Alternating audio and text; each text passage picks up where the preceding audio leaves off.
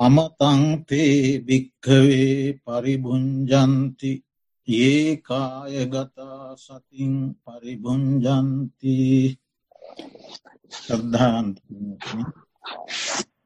ඒ අපි අවසංකර කොටසින් අද ආරම්භ කරන්න බලාපොරොත්තු වන්නේ කායගතා සතියෙහි ආනිශංස පක්ෂය පිළිබඳව. අපි දසුත්තර සූත්‍රයෙහි වැඩිය යුතු එකම ධර්මය නැත්තං යමෙක් එක් ධර්මයක් වඩන්නේ නම් ඒ වැඩිය යුත්තේ කායගතා සතියයි කියලා ඒ දේශනා කොට වදාළ සාරිපුත්ත මහරහතන් වහන්සේගේ ඒ දහම් අවවාදය යටති ඒ දවසේ අපි කරුණු ගොඩක් සාකච්ඡා කළා. දැන් අද එහි දෙවනි කොටස මේ පහදා දෙන්නේත් අංගුත්තර නිකායේ ඒකක නිපාතයේ කායගතා සති වග්ගය සහ අමත වග්ගයත් ආශ්‍රය කොටගෙන. තකොට වග්ග තුනක් වග්ග දෙකක් කායගතා සති වග්ගය සහ අමත වග්ග. කායගතා සති වක්ගේ ඒ අවසං කළ තනින් නැවත පටන්ගත්තොත් මෙමයි යම් කෙනෙක් කායගතා සතිය වඩන්නේ නම් බහුලී කෘත කරන්නේ නම් බහුල බහුල වශයෙන් නැවත නැවත වඩන්නේ නම් බොහෝ බොහෝ කොට වඩන්නේ නම් ඔහුගේ නූපන් අකුසල් නූපදින්නේය. ඉපදිලා නැති අකුසල් උපදින්න නෑ උපන් අකුසල් ප්‍රහාණය වන්නේය නූපන් කුසල් උපදින්නේ උපන් කුසල් වැඩෙන්නේය දැම් මේ කොත්තනටද ඇවිල්ල තියෙන්නේ. සතර සම්මයක් ප්‍රධන් වීරයට. සතර සම්යක් ප්‍රධන් වීරියනි තියෙන්නේ නූපන් අකුසල් නූපදවීමේ වීරිය උපන් අකුසල් ප්‍රහාණය කිරීමේ වීරිය නූපන් කුසල් ඉපදවීමේ වීරිය උපන් කුසල් වැඩි දියුණු කිරීමේ වීරිය. සත්තිස් බෝධිපාක්ෂික ධර්මයන් අතර තමයි සටහන තියෙන්නේ. සම්මයක් ප්‍රධන් වීරිය. එතෝට යම් කෙනෙක් කායගතා සතිය වඩනවනං බහුලී කෘත කරනවනං ඔහුගේ මේ සතර සම්ය ප්‍රධන් වීරිය වැඩෙනවා කියන එකයි අර්ථය. ඒ වගේම සෝවාන් පලය සකදාගාමී පලය අනාගාමී පලය සහ අරිහත් පලය ප්‍රත්‍යක්ෂ කරගන්නට මේ කායගතා සති වැඩීම උපකාර වෙනවාය කියලා සඳහන් වෙනවා. එපමනක් නොව. ප්‍රඥා ප්‍රතිලාබේ පිණිස පවති. පඥ්ඥා පටිලාබාය සංවත්තති ප්‍රඥා ප්‍රතිලාබේ පිණිස පවති මොනවදී ප්‍රඥා ප්‍රඥාව යනු කවරේද. අට්ටකතාචාරයෙන් වහන්සේ අර්ථ දක්වනවා සතර මාර්ගඥාන ඒ කියන්නේ සෝවාන් සකදාගාමි අනාගාමි අරිහත් මාර්ගඥාන හතර. සතර පලක්ඥාන සෝවාන් සකදාගාමි අනාගාමී අරිහත් පලඥාන. සතර පටිසම්බිධාඥාන අත්ත දම්ම නිරුත්ති පටිභාන. සඩ්ඩ අභිඤ්ඥා තෙසත්තෑ ඥාන තකොට ඒ තෙසත්තෑ ඥානවලින් ඥානහයක් තතාගතයන් වහන්සේට පමණක් සාධාරණයි. ඉතිරි හැටහත ශ්‍රාවකයන්ට සාධාරණයි. ඒ කියන ලද ඥාන. සත්සත්තෑ ඥාන ආදී කොට ඇති යම්තාක් ප්‍රඥා කොට්ටාශයට අයත් වූ ඥානයූ විද්ද ඒ සියලු ඥානයන්ගේ ප්‍රතිලාබය පිණිස කායගතා සති භාවනා වැඩීම උපනිශ්‍රය වෙනවා. හේතු වෙනවා. ප්‍රඥාවේ වැඩීම පිණිස හේතුවෙන. ප්‍රඥාවේ වැඩීම වර්ධනය පිණිස දියුණුව පිණිස හේතු වෙනවා. එතවට ප්‍රඥාව රහතන් වහන්සේගේ අය දියුණු කරන්නට දෙයක් නෑ. සෙසු සේක පුද්ගලයන් හත් දෙනාගේ. සෝවාන් මාර්ග පල සකදාගාමි මාර්ග පල අනාගාමි මාර්ග පල අරිහත් මාර්ග. එසේක පුද්ගලයන් හත් දෙනාගේ ප්‍රඥාව වැඩීම පිණිස හේතුවෙන. සේක පුද්ගලයන් හත් දෙනාගේ සහ කල්්‍යයාන පෘතක් ජනයාගේ. යහපතට නැබුරු වූ පින පව විශ්වාස කරන කල්්‍යයාන පෘතජ්ජනයාගේ ප්‍රඥාවේ විපුලත්වය පිණිස ප්‍රඥාව බොහෝ බවට පත්වීම පිණිස ප්‍රඥාවේ වර්ධනය පිණිස හේතුවෙන. එමෙන්ම මහා ප්‍රඥා බව පිණිස පවතිනවා. මහා ප්‍රඥා පාලියෙන් දක්වනවා මහා පඤ්ඥතාය සංවත්තති. මහා පඤ්ඥතාය සංවත්තති. එතකොට එයින් කියන්නේ කුමක්ද. සෑම ධර්මයකම ඉතාමත් මහත්තාකාරයෙන් නැත්තං ඉතාමත් ඥානාන්විතව අර්ථ පරීක්ෂා කරන. ඒ කියන්නේ පලය පරීක්ෂා කරන මේ ක්‍රියාව කිරීමෙන් මේ පලය හටගන්නවා කියන පලය පරීක්ෂා කරන. යම් පලයක අර්ථ පරීක්ෂා කරනවා.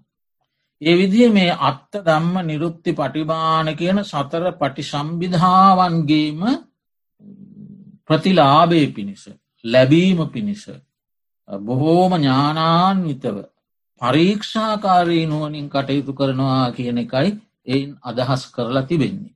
ඒ වගේම මේ සීලයයි මේ සීලයේ පලයයි මේ සමාධියයි මේ සමාධී පලයයි මේ ප්‍රඥාවයි මේ ප්‍රඥාවේ පලයයි මේ විමුක්තියයි මේ විමුක්තියේ පලයයි මේ විමුක්ති ඥාන දර්ශනයයි ආදී වශයෙන් මේ ගම්බීර ධර්මතාවයන්ගේ අර්ථ පරීක්ෂා කරනවා. ධර්ම පරීක්ෂා කරන හේතු පල පරීක්ෂා කිරීමේ නුවන වැඩෙනවා. ඒ වගේම පුත්තු පඥ්ඥතාය සංවත්තති.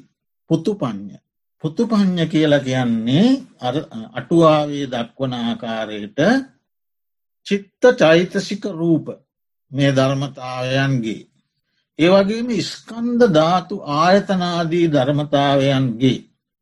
ඒ ඒ ඒ ඒ ඒ ධර්මයන්ගෙන් කෙරෙන කාර්යන් ඒ ඒ ධර්මයන් හටගැනීමට හේතු ඒ ඒ ධර්මයන් හටගන්න ආකාරය ඒ ඒ ධර්මයන් නිරුද්ධ වනායුරු මේ සියලූම ගම්බීර ධර්මයන්ගේ නොයෙක් නොයෙක් ධර්ම විෂයන්දී වෙනස් වෙනස් ආකාරයේ හේතු වෙනස් වෙනස් ආකාරයේ පලයන් දන්න ප්‍රඥාවක් වර්ධනය වෙනවා.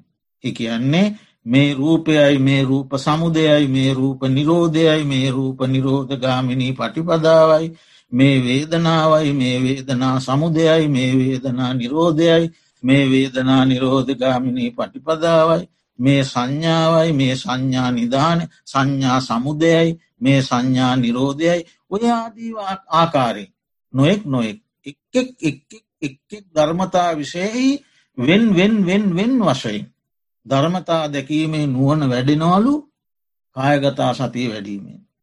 ඉළඟට විපුන විපුල පඤ්ඥා සංවත්තති. විපුල පඤ්ඥතාය සංවත්හන්ති. එයින් කියන්නේ නානා ගම්භීර ධර්ම විෂයන්හි ඉතාමත් පැතිරුණු ඥානයක් පතල ඥානයක් මනාකොට වැටහුණු ඥානයක් ඇතිවෙන්නටත් හේතු වෙනවා. ගම්බීර පඥ්ඥතාය ගැඹුරු ප්‍රඥාවක්. සාමාන්‍ය පුද්ගලයකුට දැකිය නොහැකි අවබෝධ කළ නොහැකි තේරුම්ගත නොහැකි වටහාගත නොහැකි මහා ගැඹුරු බවක් මේ ධර්මතාවයන් තුළ දකින්නට ඔහුට හැකියාව ලැබෙනවා. ඊළඟට. අසාමන්ත පඤ්ඥා අසාමන්ත පඤ්ඥතාය සමීප විය නොහැකි ප්‍රඥාවක්. එක එකිනෙකාට එක් එක් ආකාරයෙන් වෙනස් වෙනවා. ඒ කොහොමද සකදා කල්්‍යයාන පෘතක්ජන පුද්ගලයකුට සෝවාන් පුද්ගලයකුට සමීප විය නොහැකි මේ ප්‍රඥාවෙන් එකයි අසාමන්ත කියන්නේ. සමීප විය නොහැකි සමීප නොවන ප්‍රඥාවක්. එතකොට කල්්‍යයාන පෘතජ්ජනයකුට සෝවාන් පලයකොට පත්වන කෙනෙකුට සමීප වෙන්න බෑ. ප්‍රඥාවෙන්. සෝවාන් පුද්ගලයකුට සකදාගාමී පුද්ගලයකුට සමීපවන්ට බෑ මේ වැටහීමේ නුවනින්. සකදාගාමී පුද්ගලයකුට අනාගාමී පුද්ගලයකුට සමීප වෙන්ඩ බෑ. අනාගාමී පුද්ගලයකුට අරිහත් පුද්ගලයකුට සමීප වෙන්ඩ බෑ. අරිහත් රහතන් වහන්සේ නමකට පසේ බුදුරජාණන් වහන්සේ නමකට සමීපවෙන්ඩ බෑ. පසේ බුදුරජාණන් වහන්සේ නමකට ලෝතුරා සම්මා සම්බුදුරජාණන් වහන්සේ නමකට සමීපවෙන්ඩ බෑ. ඒ විදිහේ එකනෙකාට සමීප විය නොහැකි වූ තරමේ. අසාමාන්ත ප්‍රඥාවක් ඒ ඒ ඒ ඒ අවස්ථාවන් හිදී ලබන්නට මේ කායගතා සති උපනිශ්‍රය වෙනවා. ඊළඟට බූරි ප්‍රඥ පෘතුවියසේ මහත් ප්‍රඥාවක්. පෘතුවිය. පොළවක මේ මහ පොළවේ ගැඹුර මෙතකයි කියලා සාමාන්‍යයෙන් අපිට හිතන්ඩ බෑ.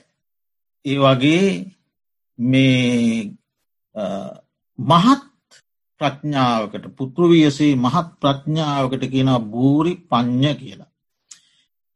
එය තව විදිහකින් අර්ථ දක්වනවා රාගය දෝෂය මෝහය ක්‍රෝධය උපනාහයවත් බද්ධ වෛරය ගුණමකුකම ගුණවතුන් හා තමා සමාන කොට ගැන්ම ඊර්ෂ්‍යාව මසුරු බව කපටිකම තමාගේ අගුණ සැඟවීම එකට එක කිරීම තද බව මානය අතිමානය මදය ප්‍රමාදය කියන මේ උපක්ලේශ ධර්මයන් ඇතුළු යම්තාක් අකුසල් වෙද්ද. ඒ සියලූම අකුසල ධර්මයන් කාය වශයෙන් වචී වශයෙන් මනෝ වශයෙන්. ඒ සියල්ලම මැඩ පවත්වනවා. මේ බූරි පඥ්ඥාව මගින්. ඒ ප්‍රඥාවේ එක කොටසක් අදියරක් එක් කාර්ය භාරයක් ඒ ප්‍රඥාවෙන් කරන. රාගාදී සියලූම අකුසල ධර්මයන් අභි සංස්කාර ධර්මයන් මැඩ පවත්වන පෘතුවියසේ මහත් පත්තල ප්‍රඥාවකට කියනවා බූරි පඥ්ඥා. ඒ බූරි පඥ්ඥාව පිණිසත් හේතුවෙනවා. ඊළඟට පඤ්ඥා බාහුල්ල බව පඤ්ඥා බාහුල්ලාය සංවත්තති. ප්‍රඥා චරිතය අධිපති කොට ගන්නවා. ඔබ අහල තියෙනවා සද්ධින්දිය විරේන්දිය සතින්දිය සමාධින්දිය පං්ඉන්ද්‍රිය කියලා. ඉන්ද්‍රිය ධර්ම පහ.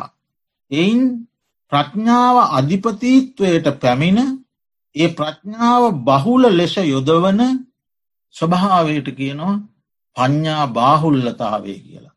බොහෝ කොට ප්‍රඥාව යොදවමින් ඒ ඒ ඒ ඒ ස්කන්ද ධාතු ආයතනාදී ධර්ම විෂයෙහි ඉතාමත් පරීක්ෂාකාරී නුවනින් බැලිය හැකි තත්ත්වයක්. කරා පුද්ගලයා යොමු කරනවා කායගතා සතිීන්. එමෙන්ම සීග පඥ්ඥතාය සීග කියන සීග්‍රයි කියලා කියන්න. වහ වහා සීග්‍රව ඉක්මනින් ගම්බීර දහම් වැටහෙනවා. සාමාන්‍ය ජීවිතේ එදිනෙදිය එදිනෙදා ක්‍රියාකාරකම්වලදී පවා. අතපය දිගහැරීම හැකිලීම එසවීම ඉදිරියට යෑම ආපසුවේම ඒ අවස්ථාවලදී ඒ ආකාරයෙන් යෙදෙන ක්‍රියාවල සිදුවන. චිත්ත චෛතසික රූපාදී කොටස් වහා වටහාගන්නවා. ගම්බීරවෙක් නෙමේ සීග්‍රව ඉතා ඉක්මනින් ගැඹුරු දහම් ඉක්මනින් වැටහෙන ස්වභාවේ ඇතිවෙන. සීග පඥ්ඥතාය.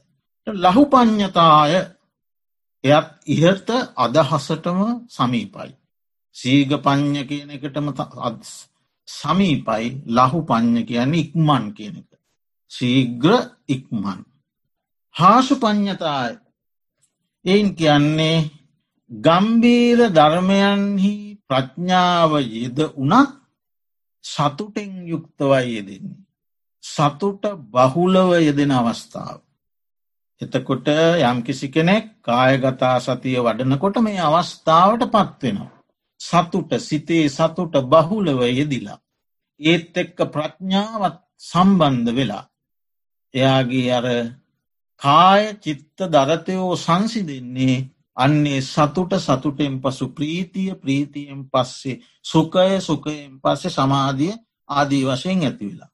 ඊළඟට ජවන පඥ්ඥතාය වහා දිවෙන වහා දිවෙන ප්‍රඥාවක් මොකක්ද මේ දිවෙන ප්‍රඥාව. අතීත වේවා වර්තමාන වේවා අනාගත වේවා තමා අයත්වේවා බාහිරවේවා දුරපිහිටිවේවා ළඟපිහිටිවේවා සියුම්වේවා ඕලාරිකවේවා ප්‍රනීතවේවා යම් ඔය එකොළොස් ආකාර යම් රූපයක් වේද. එකොළොස් ආකාර යම් වේදනාවක් වේද.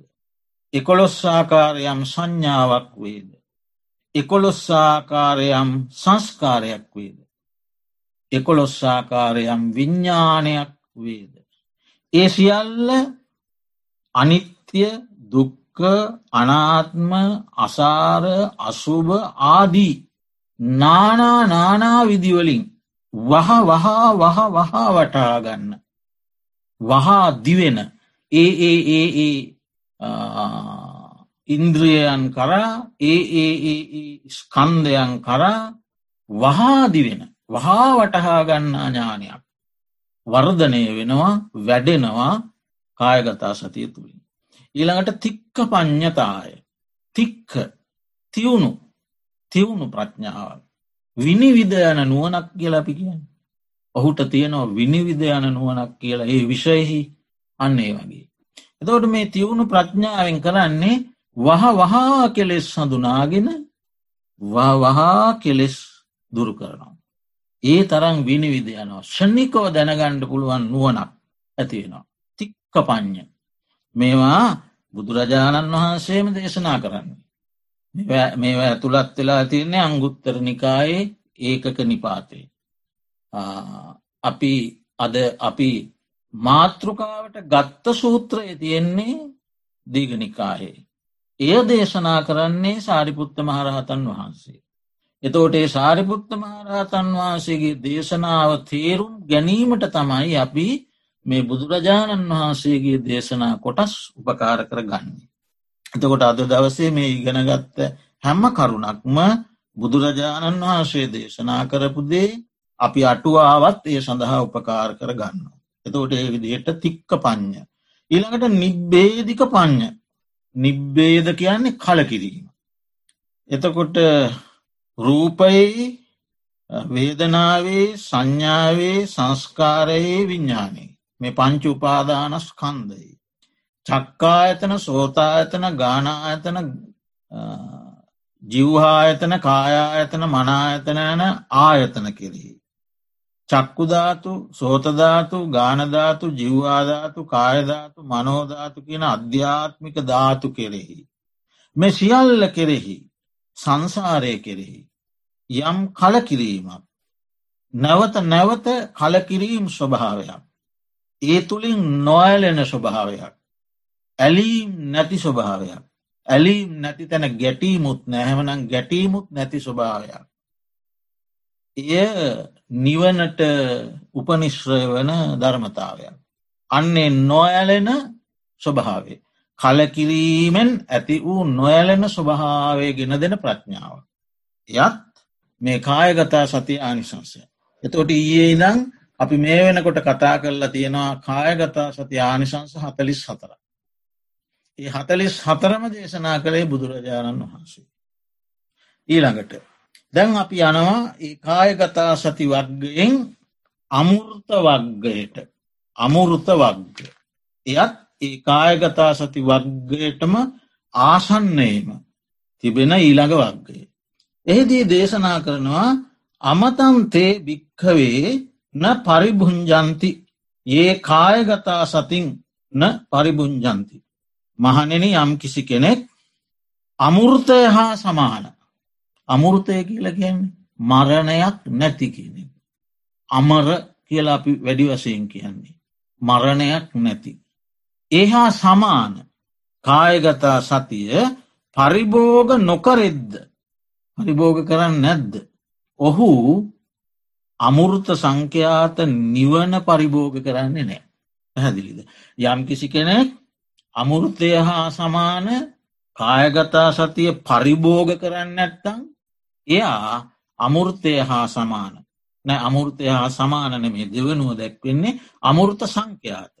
අමුෘතය හා සමාන කායගතා සතිය පරිභෝග කරන්න නැත්නම් ඒ පුද්ගලයා අමුෘත සංඛ්‍යාත නිර්වාණය වලදන්නේ නෑ. නිර්වාණයට පැමිණෙන්නේ නෑ කියන එක අර්ථය. ඊළඟට දේශනා කරනවා යම් කිසි කෙනෙක් කායගතා සතිය පරිභෝග කරනවා නම් ඔහු අමුෘතය වලදනවා. එතකොට යමෙක් කායගතා සතිය භාවිත කරනවා නං අනිවාරයෙන් මොහු අමුෘතය කියල ගැන නිවන. මරණයක් නෑ. ඒ නිවනට පැමිණෙනවා. නැතන් නිවන පරිභෝග කරනවා. නිවනට පැමිණෙනවා නිවන වලඳනවා. වලඳනවා කියන වචනය තමයි මෙහි යොදල තියෙන්නේ. පැමිණෙනවාගෙන අර්ථය. මහනිනි යම්කිසි කෙනෙකුන් විසින් කායගතා සතිය අපරිබුත්තං අපරිබුත්ත කියන වචනයක් තිබෙනවා ඒත් පාවිච්චි කිරීම තමයි පරිභෝග කිරීම. එතෝට අපරිබුත්ත වචනයට අදහසයයි. තොට පරිභෝග කිරීමෙන් ඔහු නිවන පරිභෝග කරනවා. ඊළඟ කාරණය දයනවා පිරිහීම කියන වචනයට පිරිහීම. මහනින යම්කිසි කෙනෙක් කායගතා සතියෙන් පිරිහෙනවානම් පිරිහීමට පත්වෙනවා කියලා අපි කියන්න. යමෙක් කායගතා සතියෙන් පිරිහෙනවානං ඔහු නිවනින් පිරිහෙනවා. යම් කෙනෙක් කායගතා සතියෙන් පිරිහෙන්නේ නැත්නම් ඔහු නිවනින් පිරිහෙන්නේ නෑ. නැවත බුදුරජාණන් වහන්සේ දේශනා කරනවා යම් කිසි කෙනෙක් කායගතා සතිය වරද්ද ගත්තෝ එයාගේ නිවන වරදිනවා. යම් කිසි කෙනෙක් කායගතා සතිය වරද්ද ගත්තේ නැත්නම් ඔහුගේ නිවනත් ශාක්ෂාත් වෙනවා. නැත්තං ඕ නිවනට පැමිණෙනවා. මහනින යම්කිසි කෙනෙක් කායගතා සතිය පමා කරද්ද පමා කරනවා. කළ යුත්තක් වුණත් ක්ලේෂයන්ගේ බලයට යටවීම නිසා හෝ වෙනත් බාහිර කටයුතු වලට තිබෙන බැඳියාව නිසා හෝ ඔහු එක පමා කරනවා. පමා කරොත් ඔහු අමුෘතය පමා කරනවා. නිවන පමා කරනවා. යම් කෙනෙක් පමා නොකරද්ද ඔහු නිවන පමා කරන්නේ නෑ. ඒවගේම මහනෙන යම් කිසි කෙනෙකුට කායගතා සතිය මුලාවට පත් වනාන. එහෙමත් තියෙනවා. මෝහයට යටව හෝ ලාභ සත්කාරයන්ට යටව හෝ අවිද්‍යාවට යටව හෝ පංච නීවරණ ධර්මයන්ට අසුවීමෙන් හෝ කායගතා සතිය මුලා වෙනවා. මුලාවීමෙන් ඔවුනට නිවනද විශ්මෘත බවට පත්වෙනවා. ඒගැන මුලා බවට පත්වෙනවා. පමු පම්මුට්ටන් අප මුට්ටන් විශ්මෘත බවට පත්වෙනවා.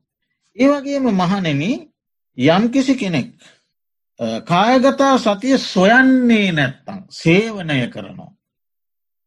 භාවිතා බහුලී කතා ආදී වශයෙන් දැක්වුණ විදිහට කායගතා සති ඉගෙනගෙන අපි මුලින් ඉගෙනගත්ත කායගතා සති ක්‍රමදාහතරක් එයින් එකක් හෝ ඉගෙනගෙන ඒ උගත්තාකාරයට අනුව ඒ නැවත නැවත නැවත නැවත සේවනය කරන්නේ නැත්නම්.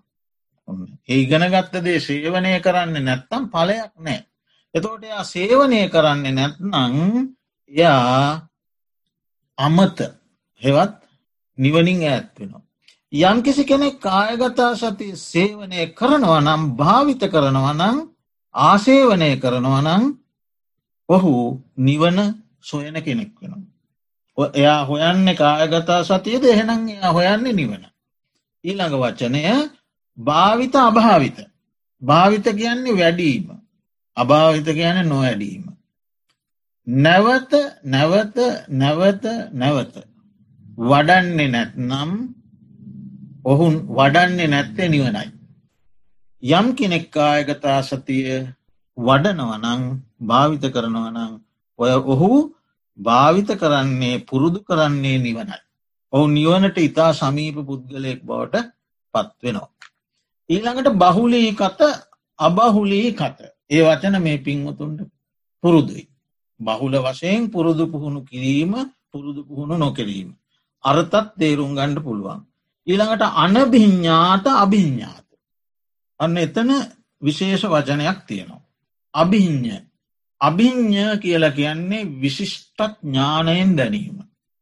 කායගතා සතිය වඩන කෙනෙක් ඒ වැඩීම තුළින් ඒ කායගතා සතියම පිහිට කරගෙන එයම උපකාර කරගෙන ඔහුට පුළුවන් චිත්ත සමාධියයට පැමිණ උපචාර හෝ අර්පනා සමාධියට ඒ වඩන කර්මස්ථානයට අනුව පැමිණ ඒ තුළින් විශිෂ්ටඥාන උපදවාගන්න.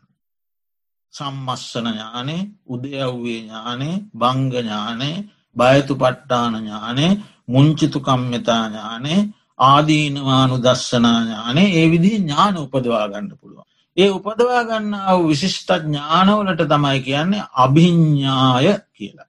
එතවට යම් කෙනෙක් ඔය විශිෂ්ට ඥානයෙන් කායගතා සතිය සේවනය කරන්නේ නැත්නම්.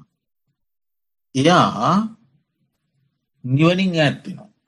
යම් කිසි කෙනෙක් විශිෂ්ට ඥානයෙන් කායගතා සතිය දැනගන්නවන වඩනවනම් බහුල කරනවනං ඔහු නිර්වාණයට සමීපයනවා ඔහු නිර්වාණය දකිනවා. ඊළඟට වචනයක් තියෙනවා පරිඤ්ඥාත අපරිඤ්ඥාත කියලා. විරුද්ධාර්ථය අපරිඤ්ඥාත. යහපත් අර්ථයට එන්නේ පරිඤ්ඥාත. පරිඤ්ඥාත කියලා කියන්නේ පරිපූර්ණ වශයෙන් අවබෝධ කිරීම. කිසිවක් ඉතිරි නොකොට අවබෝධ කිරීම. හාත් පසින්ම දැකීම. අඩුවක් නැතිව අවබෝධ කිරීම. එකට ගෙන පරිඤ්ඥාත. දැන් අපි දුක්ක සත්‍යය ගැන කතා කරනකොට නැත්තං බුදුරජාණන් වහන්සේගේ බුදුගුණ සම්මා සම්බුද්ධ ගුණය ගැන කත් සාකච්ඡා කරනකොට ඒම නැත්නම් අපි දම්ම දම්මත් දම්මචක් අපවත් වන සූත්‍රයේ දේශනා කරනකොට අපි මේ වචන අපිට හමුවෙනවා පරිඤ්ඥාත් හාත් පසින් දැක්ක.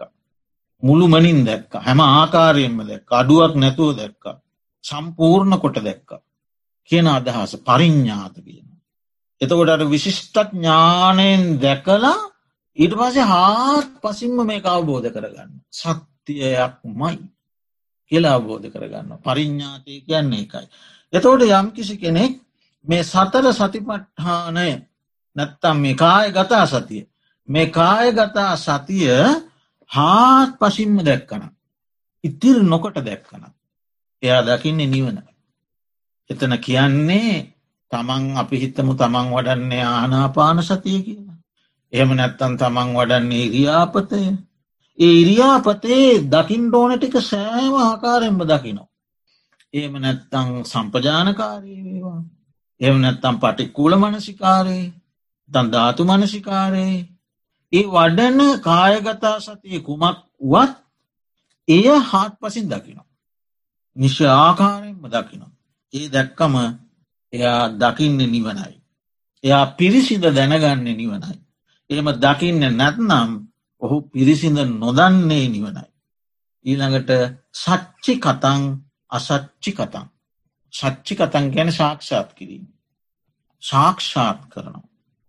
අසච්චි කත කියන්නේ සාක්ෂාත් නොකරන.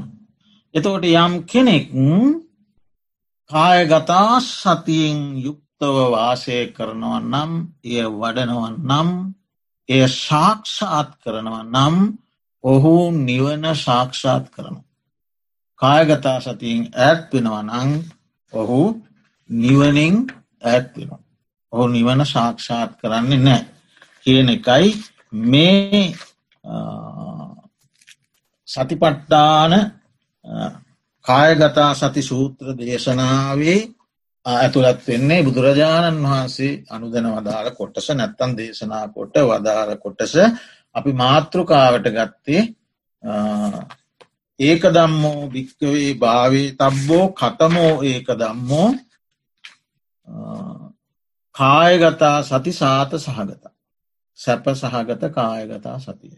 එතෝට කායගතා සතිය යටතේ අංගුත්තරනිකායේ ඒකක නිපාතේ ඇතුළත් වන කරුණු ටික තමයි අපි මෙතෙක් වෙලා ඉදිරිපත් කළේ අට්ට කතාචාරීන් වහන්සේලාගේ අදහසුත් එක්ක එතවට සියලුම කරුණු තියෙනවා හතලිස් සතරයි පනස් සතරයි හැටහතරයි හැටාටක් කායගතා සති ආනිසංස හැටාටක් අපි ඒ දවස තුළක් අද මේ මොහොත දක්වාත් සාකච්ඡා කළා. දැන් මේ පින්වතුන්ට අවස්ථාව තියෙනවා. ඒ පිළිබඳව යම් කිසි කරුණක් තියෙනවා නම් දැනගන්න.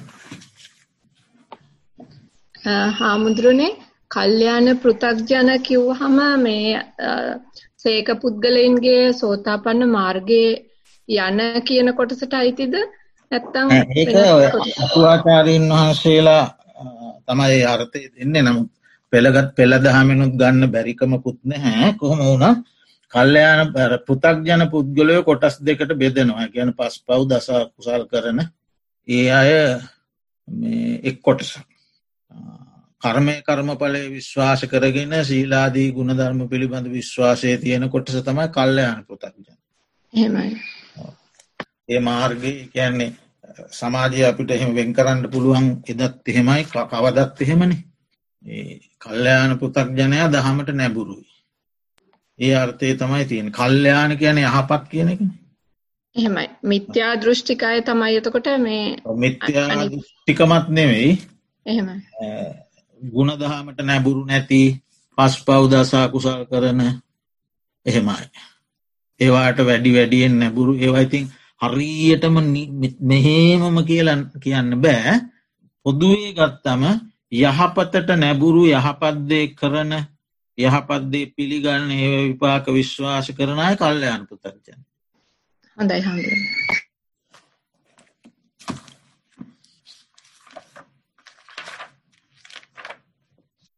දුරනේ ඒ දැන් අට අට දෙනකුට බෙදලා තියෙනවනේ. මග පල එහෙම එහෙම. ඒගොල්ලන්ගේ වෙන වෙනස් මොනවාද මග ඇන් පලවල ඒක වෙනස් මොනවාද? සෝවාන් මග ඒවා ඒවා මෙහෙමයි. මේ මේ ගැඹුරු පැත්තට ධර්මය යනකොට නම් මාර්ග මාර්ගයට පත්වෙනවත් එක්කම ඒ මාර්ග සිතට අනතුරුවම පලසිත ඇතියෙනවා කියනවා. හරිද? සෝවාන් මාර්ග සිත ඇති වූ සැනින් සෝවාන් පලයට පත්වෙනවා. ඉතින් දෙකට බෙදල තියෙන්නේ? දෙකට බෙදලා තියෙනවා. මාර්ග පල ඒව ඒවයි ගැටලු සහගත තැන් තියෙනවා. ඔය ධර්මයි ඔය ගැඹුරු තැන්වල ඒක පිල්ලි නොගන්න කොටසකුත් ඉන්නවා. නමුත් හුඟාක් ඉතින් ස්වාමීන් වහන්සේලා දේශනා කරන්නේ සෝවාන් මාර්ග සිතත් එක්කම පලසිත පහළ වෙනවා. ඒ දෙක අතරේ ඒ දෙක අතරේ කාලයක් නෑ කියලා. හරිද එනමුත් ඒක පිළිගන්න නැති අයත් ඉන්නවා. ඉති එතෙන්දී ඔව. ඒවා හරි ගැඹුරු තැන්. මමනං ඒ වගේ තැන්හොලදි කරන්නේ ඒ වාද බේදෝල හැප්පිලා තේරුම් ගණ්ඩ තරම් මට ඒක විෂය නැති නිසා මම ඒක ඒක මං බාධාවක් කරගන්නේ මම මර මේ අර මේ සූත්‍රය කියවනකොට ඒකෙත් ඔහොම කියලා තිබුණ මං ඉතින් බැලුව මොකද එහෙම කරලා තියෙන්නේ කියලා. කියන්නේ රත්තන සූත්‍රයේ ඔව්. ඒකෙත් ඔහොම අටට බෙදලා තියෙනවා. ඔව අටයි තම ඒක ඒක හරි. ඒ සෝවාන් මාර්ග සෝවාන් පල සකදාගාය මාර්ග සකදාගා ඒ අට විතරන්න මෙතා එකසියාටකටත් බෙදල තියෙන. ඒ කියන්නේ ඉතින් දැන් සෝවාන් මග එහෙම එහෙම කට්ටයක් ඉන්නවා කියනවනේ සෝවාන් මග ගමන් කරන ඒගොලන්ටද කියන්නේ සෝවාන් ඕ ඒක තමා එතන තමයි ප්‍රශ්නය තියෙන්නේ හුඟක් විස්තර කරනකොට ස්වාමීන් වහන්සේලා විස්තර කරන්නේ මාර්ග සිතට අනතුරුව පලසිත ඇති වෙනවා. හරි ඒකයි අය බේද දෙකක් නෑ. එතකොට මේ ෂණයෙන් වෙලා ඉවරයි. සෝවාන් මාර්ග සිත ඇතිවුණ නම් ඒ ඇතිවුණ මාර්ග සිත්තට විපාකය පලසිත. ඒක අනිවාර්යෙන් ඒ චිත්තක්ෂණයම ඇති වෙනවා කියලා. නමුත් අර පුද්ගලයම් බෙදනකොට කියනවා ඒ මාර්ග මාර්ගස්ත කෙනා කියලා වෙන් කරනවා. එංකරාට තියෙන්නේ අරම තත්ත්වයක් කියලා. අකාලික කියන වචනය විස්තර කරන්න තේම. අකාලිකයි. මේ මාර්ග සිතට අනතුරුව පලසිත. ඒ අතර කාලයක් නෑ. ඉති ඒවා පොඩි ඉතින් තියෙනවා මත බේදේ වගේ. ඒ තරන් වැඩිය ඒකට ඒක වැඩිය හිතන්න මොන කමක් නෑනේ. ඒව නොන මත්තය අපිට විශෂය නෑන. මමනං එහෙම ඒ වගේදී මට ඒදේ තේරුම් ගණ්ඩ තරම් ඒ දෙපැත්තකට තියනවා. දෙපැත්තක අදහස් තියෙනවා. මේ අදහස හරි කියන ඉන්නවා මේ අදහසාරි කියන ඉන්නවා.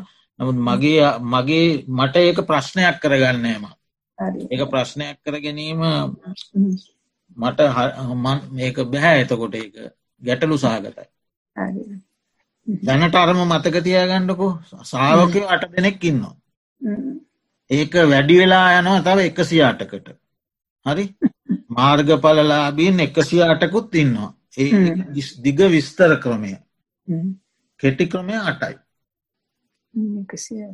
එකසි අටක් ඉන්නවා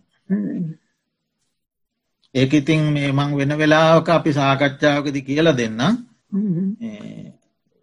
මාර්ගඵල ලාබීන් එහෙම එකසි අටකට බෙදෙනවා. අර හාට බුඩිස් මෙඩිටේෂන් එක ගොඩක් එක කියල දෙනා මේ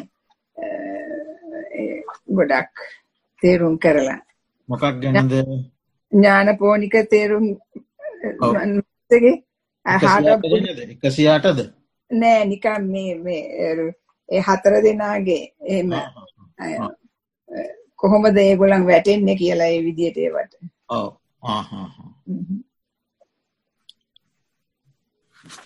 දැන් අපි වෙන මාතෘකා කොටසක් පටන් ගන්නත් වෙලාව මදී. වෙලාව ඉතුරුත් වුණා අද දේශනාවේ. කට තව එකක් හවුදුර දැන් මට කියනකොට දැන් කායාගත සති කරනකොට අනිත් අනි භාවනවත් වලට වඩා හොඳයි කියලද කියන්නේ මේක? නෑ භාවනාවත් අහවල් භාවනාව හොඳයි අහවල් භාවනාව නරකයි කියන්න බෑ. ඇයිද මෙතන කියන්නේ දැන් මේ වැඩිය යුතු එකම ධර්මය දැම් මේ සාරිපුත්ත මහරහතන් වහන්සේ එක එක කරුණු අරගෙන මේකාර සංගීතයක් එක සංගායනාවක් විදිහ වැඩක් මේ කරලා තියෙන්නේ. මනුෂ්‍යයකුට බෝ උපකාර වෙන එක ධර්මයක් තියෙනවා. ධර්ම දෙකක් තියෙනවා. ධර්ම තුනත් තියෙනවා. ධර්ම හතරත් තියෙනවා. ධර්ම පහත් තියෙන හොම යනවා දිගට පෙලක් ඊළඟට ඊළඟ එක තමයි කතමෝයකු දම්ම භාව භාවේ තබ්බු. අපි දැන් කතා කරපු එක වැඩි වැඩිය යුතු එක් ධර්මය කුමක්ද? හරි. ඉති එතට ගත්ත කායගතා සතිය. තට කායගතා සතිය කර්මස්ථාන ගොඩාත් තියනවා කියල මංගේ කිව්වනි. ඔව්. ඊළඟට කියන විදියක් හිතන්න පුළුවන් ඒකම තමයි හොඳ කියලා. ඔව්. ඒ එහෙම හිතන්ඩ පුළුවන්. ඒ වුණට ද ඒක ඇතුළෙම භාවනා ගොඩක් තියෙනවානේ. ආනාපාන සතිය තියෙනවා. හරි. ඉරියාපත්ත තියෙනවා සම්පජන්නකාරී දුවත්තියෙන් සාකාර චතුධාතු අවත්තාන ධාතු මනසිකාර දස අසුභ නව සීවතික සුන්නක මනසිකාර රූපාවචර ධ්‍යාන. ඒ ඔක්කොම තියෙනවානේ. හරි. ඒ සේරම තමයි මේ කායගතා සතිය කියලා අරන් තියෙන්නේ. හරිද? එතකොට දැන් කවුරු හරි කිව්වොත් මෙතනින් එහා තියෙන භාවනා. මෙතනින් එහා තව තියෙනවානි භාවනා බුද්ධානුස්සති දම්මානුස්සති සංගානුස්සති සීලානුස්සති. ඒවා මෙතන නෑනෙ මෙතන නෑ ආමුදුරන ඒ ඒ විදි අර බුද්ධානු සති අරවා මේවා ඒවා නිකං මේ කොන්සන්ට්‍රේෂන් එකට විතරයි නේද? නෑනෑ ඒම නෑ. දැන් ඔන්න දැන් මෙතන ඒවා නෑ කියලා කවුරුහරි තර්ක කළොත් මොකක්දන්නවද උත්තරේ? මෙතන ධ්‍යාන තියෙනවා නේද? ඔව්. මෙතන තියෙන සතර රූපාවචර ධ්‍යාන කියලා තියෙනවා ආයගතා සති සූත්‍රය අනුව ධ්‍යාන සතරක් ආයගතා සතියට ඇතුළත්. හරි. ඔව් මං ඒක ඊයේ කිව්වනම ඔව්. එතකොට ඔය දැන් අපි මෙතෙන්ට ගත්තේ නැති භාවනා වලින් සමහර භාවනා තියෙනවා ධ්‍යාන වඩන්ඩ පුළුවන්. ඔව් ඒ හරි. ඒක තමයි මගේ ප්‍රශ්නේ. මෙතෙන්ටාව නැති සමහර භාවනා තියෙනවා ධ්‍යානෝලට යන්න පුළුවන්. හැබැයි එතකොට තම ඒක තම එතකොට ඒ ධ්‍යානෝලට යන්න පුළුවන් ඒක මෙතන තියෙනවාන. ඇබේ අනිත් භාවනාවට බුද්ධානු සත්සී අර ඒවැන් බෑ නේද? ඇයි බැරි? ඒවගේ බුද්ධානුස්සතිය පුළුවන් උපසමා ඒ කියන්නේ මේ බුද්ධානුස්සති භාවනාවෙන් දිහාන නොලැබවාට ඒකින් පුළුවන් උපචාර සමාධී ඒ උපචාර සමාධියෙන් අන්ඩ පුලුවන් විදර්ශනාවට උපචාර සමාධියෙන් විදර්ශනාවට යන්න පුළුව විදර්ශනාවෙන් උදයව්‍යාදී ඥාන ලබන්න පුළුව ඒක මේ ඒක ගැටලුවක් කරගණ්ඩ ඔන්න මෙතන මේ මේක සුදුසුයි මේකමයි වෙන එකක් හොඳ නෑ කියන අර්ථයක් නෙමේ මෙතන තියෙන භාවනාවට වැඩි අර එක ධර්මයක් නිදිරිපත් කරන්න ඕනේ. එක ධර්මයක් වසයෙන් ඉදිරිපත් කරා කායගත ඇති හරි ඕන දෙකක් දෙකක් වසයෙන් මොකක්ද ඉදිරිපත් කරලා තියෙන්නේ? අන්න උත්තරේ. දැන්හරි දැන් මහරහතන් වහන්සේ ඉදිරිපත් කළා වැඩිය යුතු එක ධර්මයකි. දැ එතැන්ට දෙකක් දාන්න බෑනි. නව එතෙන්ට එකයින දාණ්ඩ ඕනේ. ඔව එක එකයිනේ. ඒක මොකක්ද කායගත සතිය. ඊළඟ පිටුවට යනවා අපි දැන් කත මේ දේ දම්මා බහුකාර හරි? තේරුණාද? මොකක් දේ කියන්නේ? බොහෝ උපකාරවන ධර්ම දෙක කවරේද වැඩිය යුතු.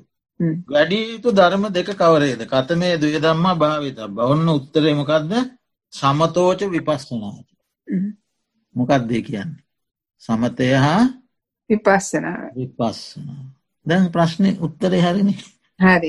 සමතය සහ විපස්සනාව කියනකේදී අර මුලින් අතහැරුණු භාවන ඔක්කොම එතන තියෙනවා ඔව්.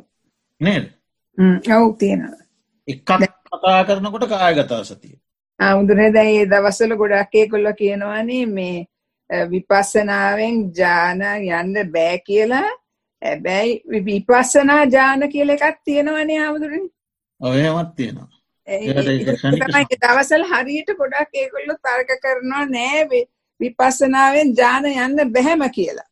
හැබැයි පුළුවන් අර ඒක ඒ මොමෙන්ටරි කොන්සන්ට්‍රේෂන් ඒක ටික ටික ඔක්කෝම වැඩුනම ඒකෙන් එනවා ජානය ඒ ෂණික සමාධි කියලා කියන්න. ඔව්. හැබැයි ඒවා එනවා. දැනන්න ප්‍රශ්නයක් කරගන්න එපා. මෙතෙන්ට බුදු සාරිපුත්ත මහරහතන් වහන්සේ එකක් ලොස් එකක් වශයෙන් ගත්ත භාවනා සමූහයක් මෙතන තියෙනවා. කායගතා සති කියන වචනය ඇතුළේ මොනවද තින්නේ ආනාපාන සතිය ඉරියාපත සති සම්පජන්න දුවතිනිසාකාර චතුධාතුවවත්තාන ඊළඟට නවසීවතික හරි? ඊලාට රූපාවචර ධ්‍යාන හතර. අටුවාවේරන් තියනවා දස අසුභ සහ චුන්නසම චුන්න එක මනසිකාර. ඒ ඔක්කොම කායගතා සති. එතවට කවුරු හරි කියනවනම් මේ භාවනා ටික විතරයි බොහෝ උපකාරවෙන්නේ ඒකයි මේටි කරන්තියන්නේ කියලා ඒක වැරදි. ඊළඟ තැනට යනකොට කත මේ දේ දම්මා භාවය තබ්බා සමතෝචු විපස්සනාට වැඩිය යුතු ධර්ම දෙක කවරේද සමතයයි විදර්ශනාව. එතකොට එතන සමතය කියනකොට අනිත් භාවනාකමට ඔක්කොම එතන තියෙන ඒ නිසා ආන්න එහෙම බැහැර කරන්න බෑ. තව කවුද මොකුත් ගැටලුව? එනම් වැඩසටහන නිමාවට පත් කරුනේ හොඳයි හාමුදුරනේ එතෙක් වෙලා හාමුදුරනේ. ධර්මස් උපදවාගත්ත කුසල ශක්තිය අපටත් අප නමින් පරලෝස පඥාතීන්ටත් දෙවියන් සහිත ලෝකවාසී සියලු සත්වයන්ට තමාම නිර්වාණ සුසාන්තිසම හේතු ආසනා වෙත්වා කියල අද අපි අදට අපිට නියමිතෝ තිබුණු සතිපට්ටාන සූත්‍රයේ අවසාන ධර්ම කොට්ටා සිටිකේ අපිට තියෙන්නේ සම්මා කම්මන්තනේ සම්මා කම්මන්තය එට අපි හවස තුනට ආරම්භ කරමු. සම්මා කම්මන්තය අවසං කරලා එතනින් පස්සේ අපි මේ දේශනාවට යොමීම